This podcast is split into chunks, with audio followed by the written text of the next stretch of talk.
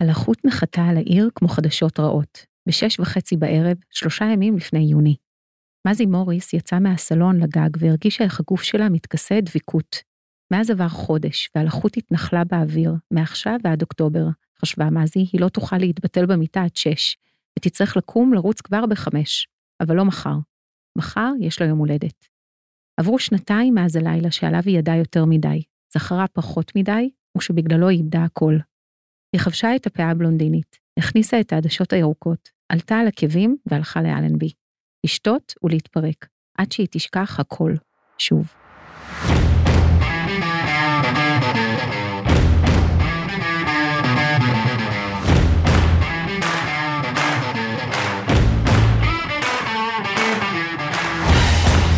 היי מעיין רוגל. שלום, נילי אסיה.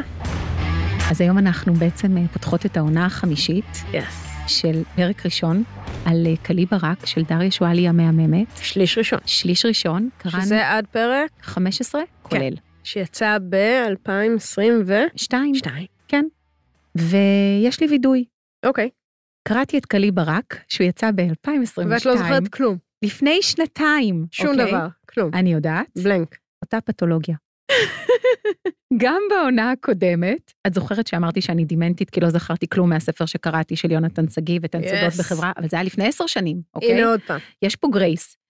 אז המצב רק הולך ומחמיר, אוקיי? אוקיי, אבל את רוצה לספר אה, למאזינות והמאזינים שלנו על מה הספר? תני להם איזשהו ריקאפ. ברור, אבל לפני זה אני רק רוצה להגיד משהו אחד. אוקיי. כל כך נהניתי לקרוא אותו. שוב. שליש ראשון, כן? כן, כן. בסדר, שליש ראשון. בואי. ברור לך, אני לא כן, זוכרת כלום, שום לא. זוכרת כלום. אין לך מושג מה כלום. בסדר, לגיטימי. תקציר ממש ככה על רגל אחת מהשליש הראשון. אנחנו יודעים שיש לנו את מזי מוריס, והחקירה היא בעצם אה, למצוא את יסמין שכטר. יסמין שכטר אה, ישבה בבית קפה עם אה, בעלה דודי פרץ והבת שלהם. בת בת חמש, בת כמה היא שמה? מהמם. משהו כזה, נכון? פחות, שלוש. פחות, שלוש? אוקיי. והוא הלך להביא מפיות, כי אה, נשפך מיץ. מיץ, והוא חוזר, יסמין נעלמה. לא יודעים איפה היא, ככה, אור יום, פוף. הבת אומרת, ראיתי אותה אה, נכנסת לאיזה אוטו בצבע אפור, כסוף, ונוסעת. היא לא לקחה איתה את התיק, טלפון בתוך התיק, ובעצם נעלמו עקבותיה. עכשיו מתחילה החקירה של מזי מוריס, בעצם אה, למצוא את יסמין שכטר. עכשיו, זה לא סתם מזי מוריס, כל הסיפור הזה. ברור. כי מזי מוריס גדלה עם דודי, הבעל של יסמין. נכון, אז הוא אמ, פונה אליה. הוא פונה אליה, הוא מבקש ספציפית אותה. עכשיו, כל הדבר הזה, אני אגיד את זה ככה, אני חושבת שכל העונות שעשינו, וכל הקריאה שעשינו, שעבורי, את יודעת, אני, אני קוראת בעיניים מאוד חוקרות, כל דבר, כל הזמן. אבל הדרך שאנחנו חוקרות היא אחרת. וזה נכנס לי לקריאה ואני מתחילה לראות את ההצטברות, ואני מתחילה לראות את היחסים בין הספרים, ודברים ששונים ודברים שחוזרים, ואני חושבת שזה חלק מהכוח הזה של, של המסע הזה, שנכנסנו אליו בלי באמת לדעת לאן הוא נכון. הולך להוביל, ולאיזה מסקנות הוא הולך להוביל, וגם מה זה יעשה לנו ככותבות. את יודעת, זה מדהים שאת אומרת את זה. כי אני, כשקראתי שוב את השליש הראשון, ומזכירה לך שאת השליש הראשון קראתי לפני שהתחלנו את הפודקאסט שלנו, סופרות לאחור, והיום, כשאני קראתי אותו שוב, בפרספקטיבה של כל הבלשיות שקראנו, וכל הסופרות שקראנו, פתאום עברתי את אותו תהליך שאת. מתארת עכשיו. ממש, נכון? ממש. בול. אז אני רוצה רגע לשים את האצבע על כמה דברים כאלה שלו. קדימה. הדבר הראשון שמאוד מעסיק כאן את דריה שואלי ואת מזי מוריס ואת כל הדמויות שלה, ואנחנו פוגשות אותו בכל מיני מקומות בספרים, זה פערי המעמדות. זה העניין הזה של הבלש או הבלשית במקרה הזה, שמגיעים ממעמד נמוך, כדי לחקור את המעמד הגבוה. שהיה לנו את זה גם אצל יונתן שגיב בצורה מובהקת. וגם ברצח בשבת בבוקר בצורה ממש. מובהקת. זאת אומרת, אה, אה, זה כל הזמן נוכח. נכון. עכשיו, אם אצל יונתן שגיב אנחנו פגשנו מעמדות שאי אפשר להיכנס אליהן. יש את המעמד הגבוה, יש את המעמד הנמוך, ובזה נגמר נכון, העניין. זה נולדת- סגורה. כן, נולדת באשפתות, שער באשפתות. נכון. כאן לא. כי מזי מוריס נולדה באשפתות, יחד עם דודי, ובזמן שהיא נשארה באשפתות, דודי התקדם. דודי התקדם, דודי נכנס אה, לאושר. נכון. הוא עכשיו עם משפחת אה, שכטר, שכטר. יש לו שם תפקיד בתוך המארג המשפחתי. יש לו את הכסף, את האמצעים, את הבגדים, אבל משהו ממנו נשאר שם. וכל הזמן יש את השיחה הזאת, על מי נמצא איפה, ומה זה אושר, ומה זה עוני, ומה זה יש, ומה זה אין. זה כמו ג'ני פרום דה בלוק, נכון? בדיוק, זה לגמרי, זה. כן. כאילו, היא נולדה בבלוק, והתקדמה איזה, אבל עדיין תמיד יישאר בה את ה... אי אפשר יהיה להוציא ממנה את, ה... את הברונקס. בדיוק. מהמם. עכשיו גם יש שאלה של איך מתקדמים. עכשיו התשובה כאן, לפחות בשליש הראשון, היא מאוד פשוטה. פשע. אם אתה תטנף את הידיים שלך, אתה יכול לעבור מהקסטה הנמוכה לקסטה הגבוהה. נכון, צריך להתלכלך. צריך להתלכלך, ויותר מזה, עולה השאלה האם אפשר להיות בתוך הקסטה הגבוהה גם אם נולדת עליה, בלי להתלכלך. נכון, כי זה בא ביחד. נכון. אז זה הדבר הראשון שאני שמה עליו לב, ואני חושבת שאנחנו נדבר עליו עוד הרבה בתוך הדבר הזה. הדבר השני שקפץ לי, אה, והגניב אותי נורא, זה העניין הזה של החלוקה לטובים ורעים, לפי אוכל. עוד פעם, כמו עוד- בנהדרת, כמו בשושקוביץ? לא רק שושקוביץ, גם אצל שושקוביץ אנחנו ראינו את זה, ואנחנו ראינו את זה גם אצל יונתן שגיב משמנמן ומרזה. נכון, ומה זה אומר עליהם. נכון. אוקיי? השמנמנים הטובים וזה. לא, את חייבת לעשות לי פה סדר. אני תכף אעשה לך סדר. אוקיי, ואנחנו ראינו את זה גם ברצח בשבת בבוקר. נכון. של מי שותה את הקפה שלו, איך נכון. ומתי. וכאן, אבל לא הייתה שם התייחסות לרזה ושמן. לא, או- אבל או- כאן, או כאילו סביב החלוקה של טוב ורע. נכון, אבל כאן יש משהו נורא מגניב. יש פסקה קטנה שיושבת שם בפנים, יש רמזים, אוקיי? דריה שואלי עושה את העבודה שלה מאוד ביעילות, ו- ואני חושבת שהיא שוברת המון מבנים, המון פרדיגמות והמון ציפיות, והיא עושה את זה ממש ממש בדייקנות של מנתחים. אז, ואז מבחינתי כל דבר שנכנס הוא רמז. היא מספרת על סבתא פורטונה, אוקיי? והיא מהמם. מספרת על סבתא פורטונה, הסבתא בעצם שהיא גדלה אצלה, ששימי לב גם לשם שלה. כן? ברור, ברור. שהיה ביניהם קשר עד מהמם. שדברים גם שם התפקששו, אנחנו נדבר על אה, כל המתים של אה, מזי מוריס, והיא אומרת ככה, היא ניסתה ללמד אותה להעמיד צירים, אבל נכשלה.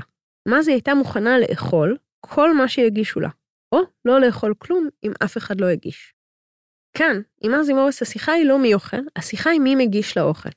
מעניין. ומי שנותן למזי מוריס לאכול, או לשתות, מי שמכין הוא הוא הטוב. טוב. ברור. כי בנג'י מכין לה תה, היא לא מכינה לעצמה, אסור לה להכין לעצמה. הוא מכין לה. וכשהיא הולכת לדודי, דודי לוקח שתי פרוסות לחם ועושה לה סנדוויץ' פועלים. נכון. ומורח לה חומוס ועגבניה וזה. לעומת זאת, כשהיא הולכת למשפחת שכטר, האח של אה, יסמין ואשתו, היא הולכת למשרד של אשתו של האח, נכון. ואסתר, הגיסה של יסמין בעצם, אומרת למזכירה שלה להביא שתייה, אבל השתייה לא מגיעה אף פעם. Mm, המזכירה אפילו לא התחילה להכין. זה הזמנה עקרה. כן. מעניין. וברגע שמישהו לא מגיש למזי מוריס אוכל או שתייה, הוא מסומן. עכשיו זה מעניין, ג'ת, כי כשקראתי את זה וכתבתי את הנוטס שלי, חשבתי, איפה פה תצליחי להביא אותה בטובים והרעים? וכשקראתי לו, את יודעת, שוב, הקריאה היא כמובן בעיניים מאוד חוקרות ולנתח וליהנות גם כמובן מהתהליך, אבל לא הצלחתי לשים את זה שוב, את ההפרדה הזאת, ואני חושבת שזה ממש כל הכבוד מגיע לך. תודה, תודה. עכשיו, אבל שימי לב איזה מגניב זה שזה תמיד על אוכל. על אוכל. כי יש משהו באוכל שהוא נתינה, ושהוא אה, ביטחון נורא גדול, כי בעצם ה- ושהוא חיים. הוא חיים. בלי עכשיו, אוכל את לא יכולה לחיות. נכון. עכשיו, הפעולה של להכניס לגוף אוכל, זה פעולה של נורא לבטוח במישהו. מהמם, כי זה להכניס משהו מן החוץ פנימה אל תוך הגוף. נכון. אוקיי, עכשיו, זה מתחבר מאוד למזי מוריס והסקס, נכון. שזה כאילו אז העניין רגע, אז כאן, עכשיו אני רוצה אבל להגיד. רגע, עוד לפני הסקס, אוקיי. רק כדי לסגור את הפינה. לא סתם הבלשים מחוברים לאוכל והזנה, ומי אוכל ומי לא אוכל, ומה זה אומר על כל אחד מהם. כי הבלשים הם בודדים, והם מבודדים, נכון. והמקום הזה של אוכל הוא מקום של חיבור אנושי. זה המקום שהם מקבלים, וזה המקום של הביטחון. ואני חושבת שאנחנו נפגוש את זה עוד. ואני מסמנת לנו את זה כשאלה להמשך. ממש, אה, זה ממש יפה, אני ממש אוהבת את הפיצוח. עכשיו אה, בואי נדבר על סקס. אוקיי, בדיוק. אז אני רוצה לדבר רגע על מין ומיניות. אוקיי. אז אה, שימי לב שזאת כבר הבלשית השלישית שאנחנו קוראות, שמשתמשת במין ובמיניות שלה, אוקיי? אבל פה נדמה לי שהמקרה הוא קצת אחר. כי אם בצוות אותי איה מיסטריצ'י ובנהדרת שושקוביץ משתמשות במיניות כדי להתקדם בחקירה, כדי להשיג עוד דברים, כדי להשיג עוד מידע, כדי להשיג אה, גישה למקומות שהן לא צריכות להגיע אליהן וזה יעזור להם לקדם את החקירה. פה נדמה לי שהמקרה הוא אחר. מזי מוריס בעיקר משתמשת במין, אבל לא כאמצעי כדי לקדם אותה בחקירה, אלא פשוט כדי לספק את עצמה. היא מתעוררת במיטות לא מוכרות ליד גברים שהיא לא מכירה אותם. אקראיים לחלוטין. לחלוטין, היא לא זוכרת את השם שלהם. אנחנו בעצם, אני חושבת, מבינות שמזי מכורה למין. וזו גם הסיבה כנראה שהעזיבו אותה מהמשטרה. עכשיו, אם את חושבת על זה, על כל בלש שאנחנו מדברות עליו, יש איזושהי צלקת, אוקיי? איזושהי שריטה. Hmm, ואני חושבת... הסדקים. בדיוק, זה הסדקים. וזאת גם ההתמכרות שלה. היא מכורה למין. אבל זה וזה- גם הסופר פאוור שלה. בדיוק, אבל גם מה שתמיד יכשיל אותה. זה תמיד יכשיל אותה, בשונה מהבלשיות האחרות שקראנו, שהשתמשו במיניות כדי לקדם את עצמן. פה המין, בעצם ההתמכרות הזאת, אם זה בלשים אחרים שאנחנו רגילים לקרוא כמו אה, מרלו או דשיל, סם ספייד של דשיל האמט, שהיו מכורים לכל מיני דברים כמו אלכוהול וסמים והימורים ונשים ולא יודעת מה, שתמיד זה הגיע בעוכרם, זה אף פעם לא קידם אותם בחקירה. פה אני חושבת שהמין הוא זה, ההתמכרות של מה זה למין, זה גם מה שמכשיל אותה בסוף וגם יכשיל אותה בעתיד. אני לא יודעת אם אני מסכימה איתך עד הסוף. יש לי הרבה מחשבות על. על עניין הסקס. בעצם חלק רגע, מה- אבל את חושבת שיש הבדל בין איה ושושקוביץ לבין חד מזי? משמעית, כן. אוקיי, מהסיבה הפשוטה ש-no one fucks מזי מוריס, she בדיוק. fucks everyone. בדיוק. יש כאן עניין של כוח ושליטה, יש כאן עניין של הבחירה שלה. אני חושבת גם שעבור אה, מזי מוריס האופציה להזדיין עם כל אחד, ו- ואני אומרת במכוון את המילה הספציפית הזאת, היא משתמשת בהם, היא מן איטרית. היא משתמשת בהם כדי לספק הם, את עצמה. כן, והם כולם fine, זאת אומרת, זה, אין כאן זה ניצול. המסכניק, זה ה... ואין כאן ניצול, יש כאן, היא, היא מקפידה למצוא את הגברים שזה ישרת גם אותם. יש כאן trade off מאוד מאוד ברור. יש כאן את הדבר הזה שאם היה כאן בלש גבר, אני לא יודעת, את יודעת, ג'יימס בונד, לאף אחד לא אכפת. כשזו אישה, יש שאלות פתאום, והשאלות האלה מעניינות. את יודעת, אנחנו מדברות עליה כאילו היא אישה, נכון? אבל יש בה משהו שהוא הוא הכי רחוק מנשי, לדעתי, שיכול להיות. זה לא רק הלוק, זה לא רק ה-outside, זה גם ה-inside. נכון. אוקיי? כי היא איבדה בעצם את ה-woman parts שלה, את הרחם והשחלות, בדיוק. בגיל מאוד מאוד מאוד צעיר. אני, ו- אני רגע רוצה להעיר על הדבר הזה. יש כאן המון סדקים. יש כאן בעצם שכבות על שכבות על שכבות של סדקים אצל אה, מזי מוריס, ויש כאן בנייה מאוד הדרגתית שלהם. ושוב, אני חושבת בדומה קצת לצוות אותי, זה מסמן את מזי מוריס, כולל זה שאנחנו יודעים שלפני שנתיים היא נזרקה מהמשטרה באיזה פרשה שכן התפרסמה, אבל בלי השם שלה, אנחנו לא יודעים עדיין מה קרה. אנחנו כן יודעים שיש לה רקע מאוד מאוד מורכב שהולך ונבנה עם התהייה הזאת. האם היא נחשבת אה, כמי שיש לה, אה, שהגיעה מרקע של מצוקה? יש כאן המון שאלות. וזה עיצוב של נבל, זה לא עיצוב של בלש. Mm, והיא מסומנת כאן, ונבנית ונחקרת, כאילו היא הנבלית שלנו.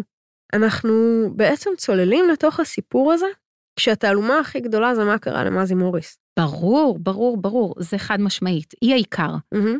כל הרעיון, בעיניי, התעלומה זה להבין מה קרה לה בעבר. מה היה הטריגר שהביא אותה למקום שהיא נמצאת בו היום. זה גם מה שמעסיק אותי בקריאה כל הזמן.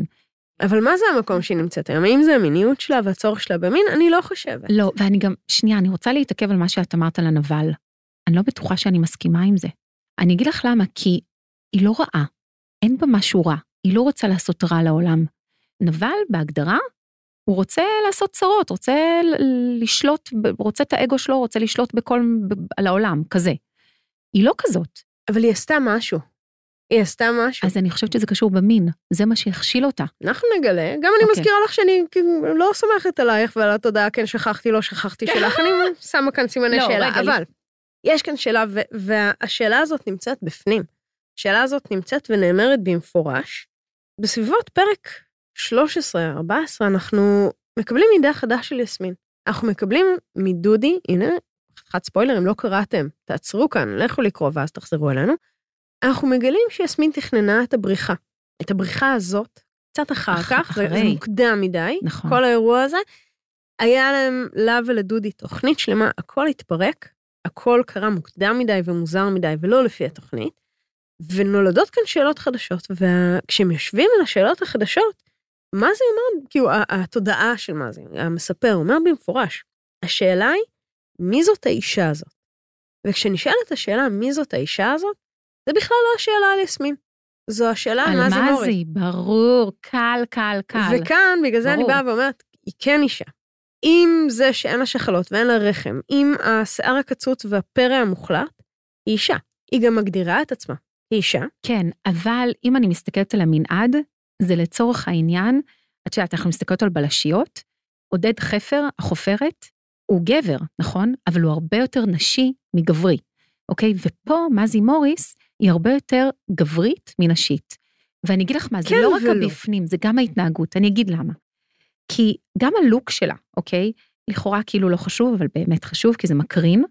אז, אז את רואה, היא עם גלח, היא מזיעה, אחותי, היא מזיעה, מלא, כל הזמן. נכון, לחוט תל אביבי, כולם טיוני, מזהים. קשה, נכון, זה. כולם מזהים. היא רוכבת על אופנוע, היא, את יודעת, עם, עם הטישורטס המאוהות האלה, כאילו הלוק שלה לא חשוב לה, היא שותה וויסקי נקי, היא יורה באקדחים כאילו מגיל צעיר, משהו בהתנהלות שלה הוא נורא גברי בעיניי. וזה, ו, וכאילו התחפושת שלה, כדי היא להשיג- אישה. היא אישה, בדיוק. שימי לב בפרולוג, הקטע שאני נכון. קראתי, נכון, היא היא מתחפשת היא לאישה כדי... מתחפשת לאישה נכון. כדי למשוך אליה אה, תראי, גברים. זו שאלה נורא מורכבת. וזה נורא מעניין בעיניי דווקא החלוקה הזאת שהיא עושה. כי כאילו האמת שלה יותר גברית, יותר קשוחה, יותר bad ass כזה, והתחפושת זה אישה בלונדינית עם אה, עיניים ירוקות, אה, שמלה קצרצרה ועקבים. אז, אז אני רוצה להגדיר את זה כבעצם שאלה של, של סוגי נשיות. אוקיי, שגם זו נשיות. קדימה. וזה חלק מהעניין של מזי מוריס, כי היא באה ואומרת, אני אישה, אבל איזה מין אישה אני? זו השאלה. השאלה היא לא אם אני אישה או גבר, זה לא כמו עם החופרת, שהאימוץ של אה, הדיבור למשל בנקבה, של המקום ש, שהוא על מנעד מוגדר באופן אישי. כאן, היא באה ואומרת, אני אישה. זה החברה שדפוקה, זה לא אני, והשאלה הזאת נשאלת על כל הנשים. על כל אחת ואחת מהנשים שם, האם היא מנותחת, האם זו אמת, כמה איפור יש עליה, כמה בגדים יש עליה, ויותר מזה, מי אומר למי מה ללבוש. עכשיו, יש שם רגע נורא מורכב, שמגיע ארי. ארי הוא אח של אח של יסמין. יסמין שכטר. כן. Uh, הוא מגיע ל- ליסמין לפני שהוא מת, אחרת זה היה ז'אנר אחר לגמרי, והוא מגיע ליסמין ואומר לה, כאילו היא, היא מגיעה אליו, הם מדברים, והיא אומרת לו, אתה לא רוצה לעזור לי למצוא את אחות שלך? אז הוא אומר, אוקיי, תגיעי היום בערב, אני לוקח אותך לאנשהו, אבל זה מקום שאת צריכה להגיע עם אה, שמלת ערב, שחורה, ועם אה, שיער חום חלק. כן, נכון. עכשיו, הדבר הזה, הפעולה הזאת של להגיד לאישה מה ללבוש, מה ללבוש. ואיך להיראות, כן. זו פעולה וואו, כזו כוחנית, כזו שתלטנית. תארי נכון. לעצמך, את היית מוכנה שמישהו יגיד לך מה ללבוש? לא. ברור שלא. לא, בהצלחה למי שינסה. עכשיו, היא משתפת פעולה כי זה חלק מהעניין, והיא לא, יודעת... היא יודעת שזה יקדם אותה כן, בחקירה, כן, בדיוק. ברור. והיא הולכת לשם, נכון. וזה נורא. זה נורא כי היא מגיעה בעצם למועדון של סחר בנשים, נכון. שבו היא חלק מהסחורה. במזל, היא מגיעה לשם חמושה, לא במזל, כי זו מזי מוריס, והיא לא תגיע לא חמושה, והיא מצליחה להוציא אותה, את עצמה משם. והיא אומרת במפורש שזה המקום הכי נמוך שהיא הגיעה אליו אי פעם בחייה, והיו לה כמה מקומות נמוכים בדרך. עכשיו, בדרך כלל זו פעולה, כאן אנחנו רגע מסתכלים על דריה שואלי, זו פעולה, להביא את הבלש למקום הנמוך ביותר, זו פעולה של אמצע. נכון, וכאן זה קורה די בהתחלה. נכון. זה קורה די מהר. הראשון. כן, די מהר אנחנו זורקים את מזי לשפל, שהוא יושב על הנשיות, הוא יושב על שימוש במין, הוא יושב על שליטה או היעדר שליטה, הוא יושב על זה שמישהו כופה עליה איך הנשיות שלה צריכה להיות. כל הדבר הזה מתפוצץ נורא אגב, מוקדם. נכון, אגב, את יודעת, זה נורא מעניין, אנחנו תר- תמיד הרי מדברות על הקשר בין הבלש והצלקת שלו והחקירה, נכון? ושימי לב שכמו שאפיינו את הצלקת שלה, שזה ההתמכרות למין, אז החקירה היא גם סובבת סביב העניין של המיניות. נכון. הסחר בנשים, הניצול של נשים, כלומר באופן מיני, אה, השליטה עליהן, כלומר כל הדבר הזה בדיוק משחק בצלקת של מזי, שזה וזה לכן, זה הסופר פאוור שלה, כי בדיוק, היא ולכן זה יכולה גם לראות, עובד טוב, בדיוק. ברור. כי היא יכולה לראות מה שאף אחד אחר לא. לא יראה. כי ברור. היא רואה, רואה את מערך הכוחות של הסקס, נכון, לא סתם מערך כוחות. נכון, עכשיו, בתוך זה מעורבים עוד דברים. יש לנו כאן backstory מאוד מורכב על אה, עיריית ירושלים ועל כל מיני תככים ומזימות, כספים ועניינים, שחיתות מכאן ועד הודעה חדשה שנכנסת אל תוך המועדון הזה עם הסחר בנשים, לתוך משפחת שכטר, הכל נכון, בבלגן. נכון. ויש שם עוד רגע שאני רוצה לשים עליו את האצבע, שעוד פעם מגדיר את כל המשחק שאנחנו משחקות כאן. אה, מזי, אחרי אה, איזשהו מהלך מאוד מאוד קשוח, הולכת להירגע. עכשיו, הסקס בשבילה הוא, הוא רגיעה, הוא פריקה, הוא פגיעה עצמית. נכון, כי היא הולכת לאלנבי, והיא שוכבת עם, אלוהים יודע כמה, כן. אף אחד לא יודע. אף אחד לא אגב, יודע. את יודעת, כן. זה מעניין שאת אומרת את זה. כשעשיתי את התחקיר לטיקו דסקי, שמדבר מהמם. על אה, נשים בזנות, אחד מהראיונות המאוד מעניינים שהיו לי עם אישה שעברה שיקום, זה שאיכשהו תמיד את אה, חוזרת לאותה טראומה, לאותה צלקת, וכל פעם את מנסה לעשות תיקון. וזה בדיוק המקום הזה שאלנבי משחק פה. כן, כלומר, זה המקום שהיא רוצה אולי לעבור עוד פעם את אותה חוויה. זה המקום שלה, כן. כדי לייצר את התיקון. וזה גם בסוף מה שהכי מעסיק אותי בקריאה הזאת, זה מה, מה, מה קרה. הם מתקנים, כן, מה קרה? בדיוק, מה קרה שמה? לפני שנתיים בדיוק, הרי בפרולוג שהקראתי, אם את זוכרת, כן, היה כתוב, עברו שנתיים מאז הלילה שעליו מהמם. היא ידעה יותר מדי, זכרה פחות מדי, ושבגללו היא איבדה את הכל. מה היה לה? מה היא מה היה איבדה? בלילה הזה? ומה קרה שם בלילה הזה? עכשיו, היא חוזרת משם מאלנבי. אני, אני תופסת את זה על, ה, על הזנב שלו, אני מתעקשת על זה, כי היא חוזרת מאלנבי, שפוכה, היא לא יודעת איך היא הגיעה הביתה, היא לא זוכרת שום כלום, דבר. היא חוזרת- קמה בבוקר, כן. מתעוררת על הגג שלה, והולכת אה, להישטף בצינור על הגג. ומה שהיא שזה שוט... של בתי כלא, כן? לגמרי, ומה שהיא שוטפת מעצמה זה דם וזרע. וזה הדבר. דם וזרע. וזה החיבור שיושב אצל מאזי מוריס. חיים ומוות? חיים ומוות וסקס ואלימות. Mm. ויש מקום אחד שהוא שונה, ואני רוצה להגיד שדווקא שם הסדק האמיתי. היא פעם הייתה מאוהבת, היא עדיין מאוהבת. במי? בגואטה. באמיר גואטה העיתונאי. מה זה מוריס? נאמר במפורש, הייתה כן, שם אבל אהבה. עדיין? בטח. לא, נכון, היה שם משהו ברור. היה שם אבל משהו... זה מעבר להיה שם משהו. לא, והיה שם קשר, והייתה שם אה, התמסרות. נכון. אבל אני... והיא אומרת אבל, היא אומרת כן. במפורש, שהיא נורא רוצה שאמיר גואטה, או איזשהו גבר, אבל היא אומרת את זה ספציפית עליו, יביא לה נחמה תמידית, ולא רק הקלה רגעית. מזי מוריס מחפשת אהבה. ולכן כשהיא נדלקת על אמיר גואטה, היא לא שוכבת איתו. רוצה להזכיר לך את הדיון שלנו מהעונה הקודמת, שהיה פה, אני הרגשתי מיעוט, סביב סקס מול רומן, נכון. אוקיי? וגם רומן לא אומר אהבה, נכון. נכון? יכול להיות שהיא רוצה פשוט סקס קבוע.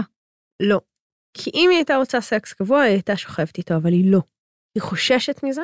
הוא הגבר היחיד שמתואר כאן שזה לאט, הם קודם החזיקו ידיים, נכון, אחר כך נכון. הם התנשקו, וכשהוא אומר לה בואי תעלי אליי, נכון, היא בורחת לקיבינימט והיא מפוצצת את הקשר. נכון. והיא נשארת כי היא מפחדת הכמיהה. מהאינטימיות. היא מפחדת להרוס את זה. כי היא לא רוצה רק את ההקלה הרגעית. סקס הוא הקלה. הוא פריקה של אנרגיה עבורה. כשהיא בבלגן היא עושה סקס כשהיא צריכה לחשוב, היא עושה סקס כשהיא עייפה, היא עושה סקס שהיא...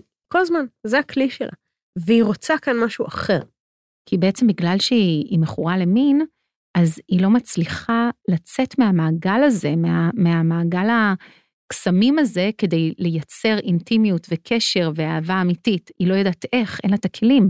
עכשיו, מישהו שאין לו את הכלים, זה מישהו שכנראה כשהוא היה צעיר או ילד, או לא קיבל את זה. הוא לא עכשיו, יודע אנחנו איך לפתח ש- את זה.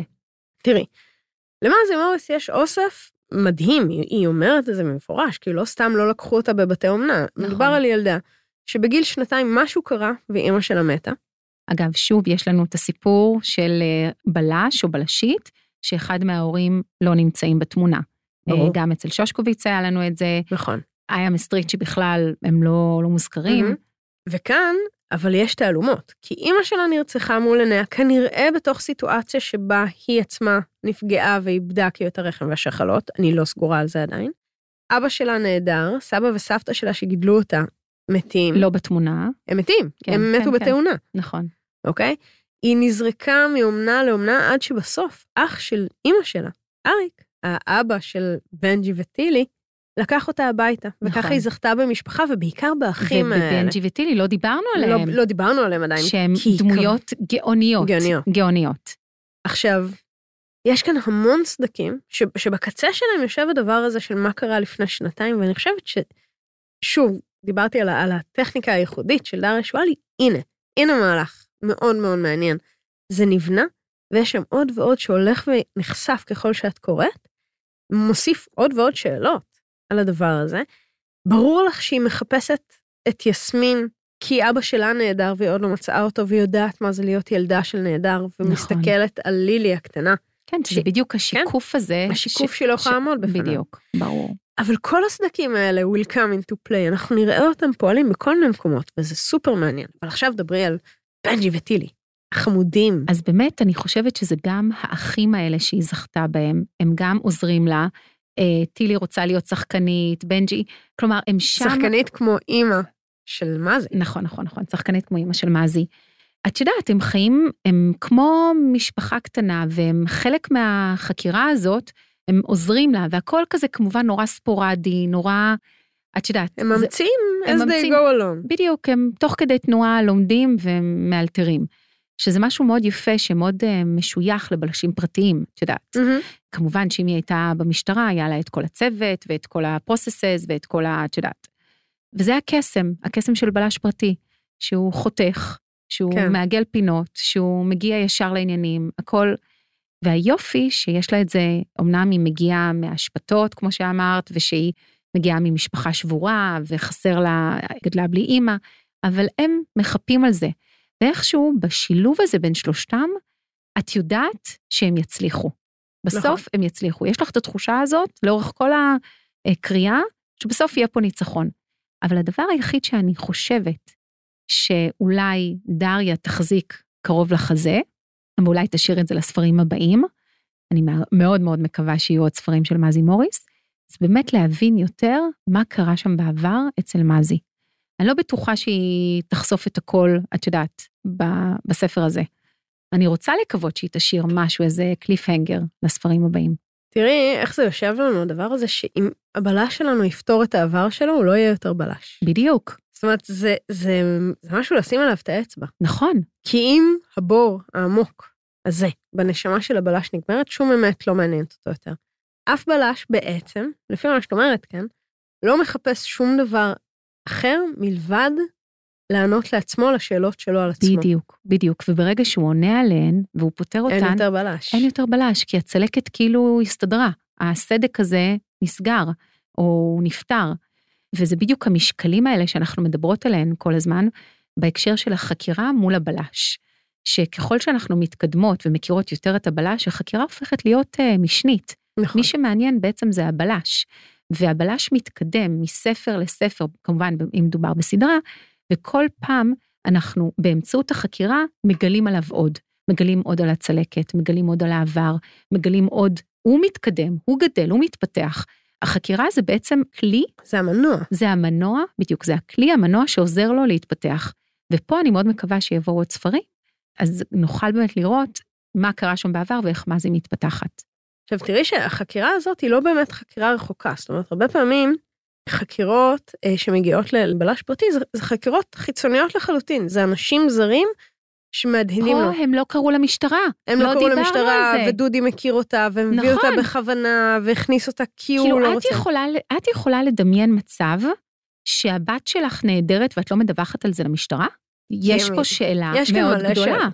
אבל כאילו, כל הדבר הזה בכלל מתחיל מהדבר הזה של מי שעומד בצד השני, מזמין, הפאם פטאל כביכול, שזה דודי היפהפה והחתיך וההורס והמהמם, גדל איתה. ולא סתם הוא גדל איתה, האהובות שלהם היו חברים. היו חברים. ג'וש, אבא של מזי, נעלם, נכון, ובני, אבא שלו, מת. נכון. ומת אה, גם אחרי ש...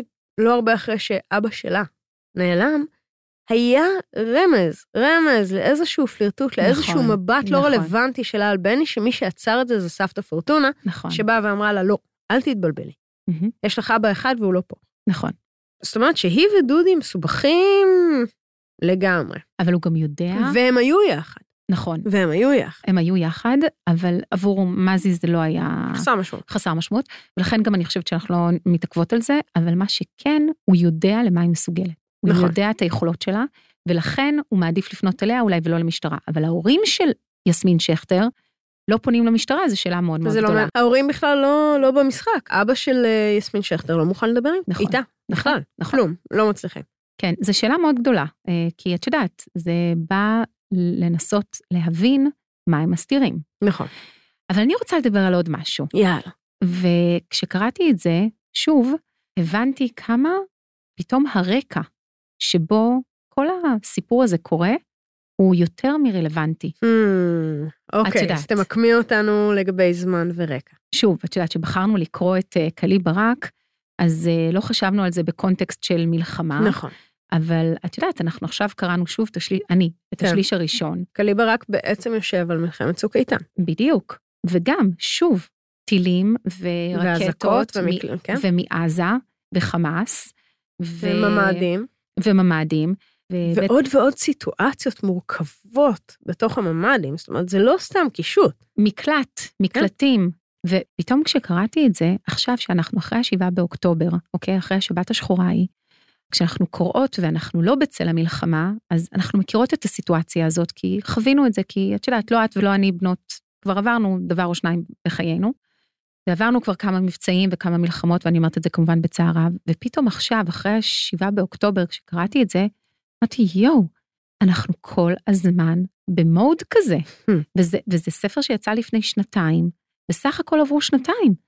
אנחנו כל הזמן, וגם חמאס ועזה וטילים ומקלטים, ודודי עם אה, הבת שלו מוצאים את עצמם באמצע האזעקה, רצים לאיזה מקלט בתל אביב, וה, ומזי וטולי, כאילו, אני אומרת, זה באמת אה, כי העבר נוכח בהווה כל הזמן, זה, זה המהות של הספרים האלה. ממש, ממש, וזה כאילו עוד יותר חיבר אותי למה שאנחנו, שאת עוברות פה היום, אחרי חודשיים וחצי של מלחמה מהמם. מאוד מאוד קשה, וזה ממש, אה, את יודעת, אני מרגישה שזה כמו אה, גוג ומגוג כזה, ש, שקרה אז בשבעה באוקטובר, מהמם. זה, זה, זה נורא, זה, זה בסקייל פי אלף ממה שמתואר פה, ולקרוא את זה עוד יותר מעצים את זה.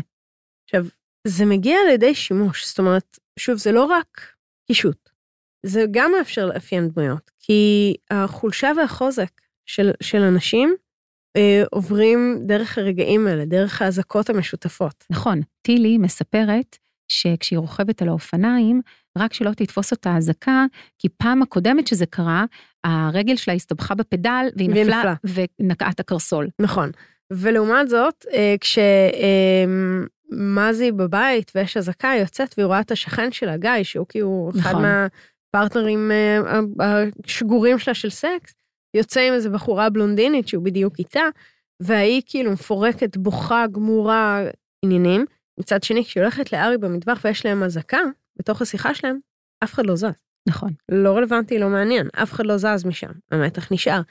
כשהיא נמצאת אה, בבית זונות, כשהיא מגיעה לחקור אם ארי היה איפה שהוא אמר שהוא היה, נכון. והיא נכנסת בעקבותיו בעצם לכל המקומות ממהם הוא עשה גבייה, היא מגיעה לבית זונות. יש שם אזעקה. ושוב, זאת אומרת, האזעקות האלה כל הזמן נמצאות ומוציאות אנשים מהמקומות שהם נמצאים וחושפות משהו. כי זה העניין, נכון, אוקיי? כי השבר הזה במציאות, שפתאום מכריח אנשים בדיוק ברגע שהם נמצאים ללכת למרחב אחר, כל הזמן חושף את מה שקורה בבתים, את מה שנמצא מאחורי נכון, הדלתות את- הסגורות. נכון. את, ו- את החיים, את החיים ואת השבר הזה. אוקיי, אז אנחנו בואי נסכם את השליש הזה, שהוא עמוס והוא מלא והוא עשיר, ואני חושבת שהוא מציג הרבה יותר מתעלומה אחת. אוקיי? זה לא רק מה קרה ליסמין.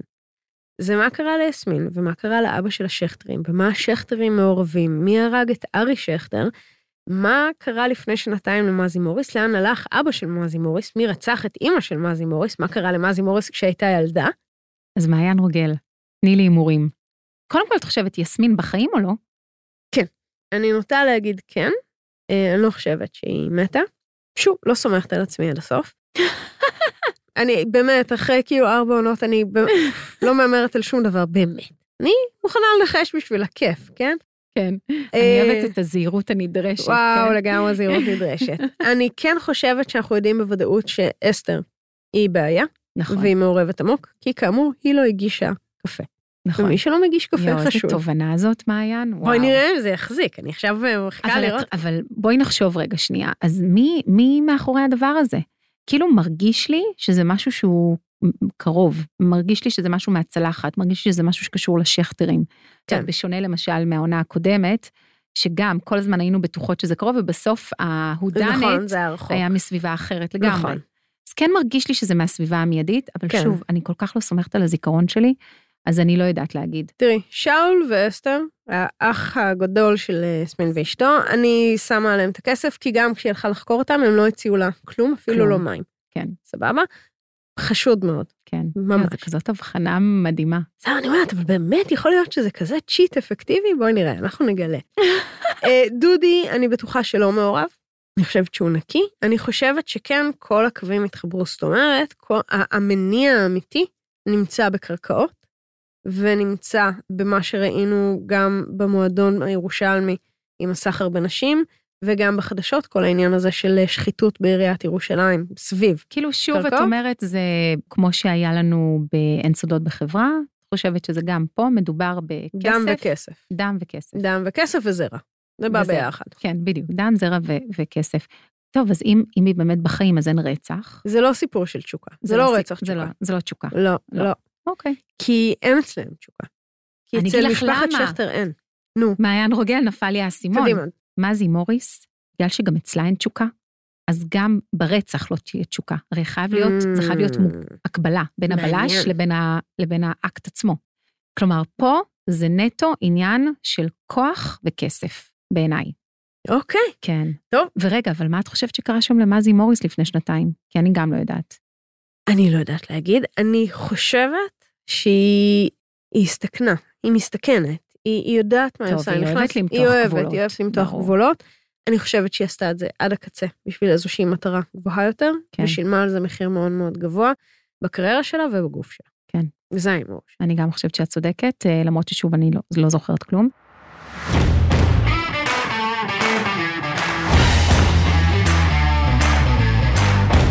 אז מעיין רוגל. כן. אז אנחנו משאירות את המאזינים ואת המאזינות שלנו. לבוא ולקרוא, אנחנו מזמינות אותם. מזמינות. לבוא ולקרוא איתנו את השליש השני, שזה מפרק 15 עד פרק 28, כולל. כולל. כולל. יאללה. ואנחנו נמשיך משם. ניפגש שבוע הבא, ובואו נראה אם אנחנו מצליחות לגלות עוד קצת על לשם המאזינות. שינוי. כן. כן. אם לשם שינוי נהיה צודקות במשהו אחד, אחד, בודד. יואו יואו לגמרי. תודה רבה נילי אסיה, תודה רבה מעיין רוגל, ותודה רבה לדולב אזולאי ולכם. שהאזנתם.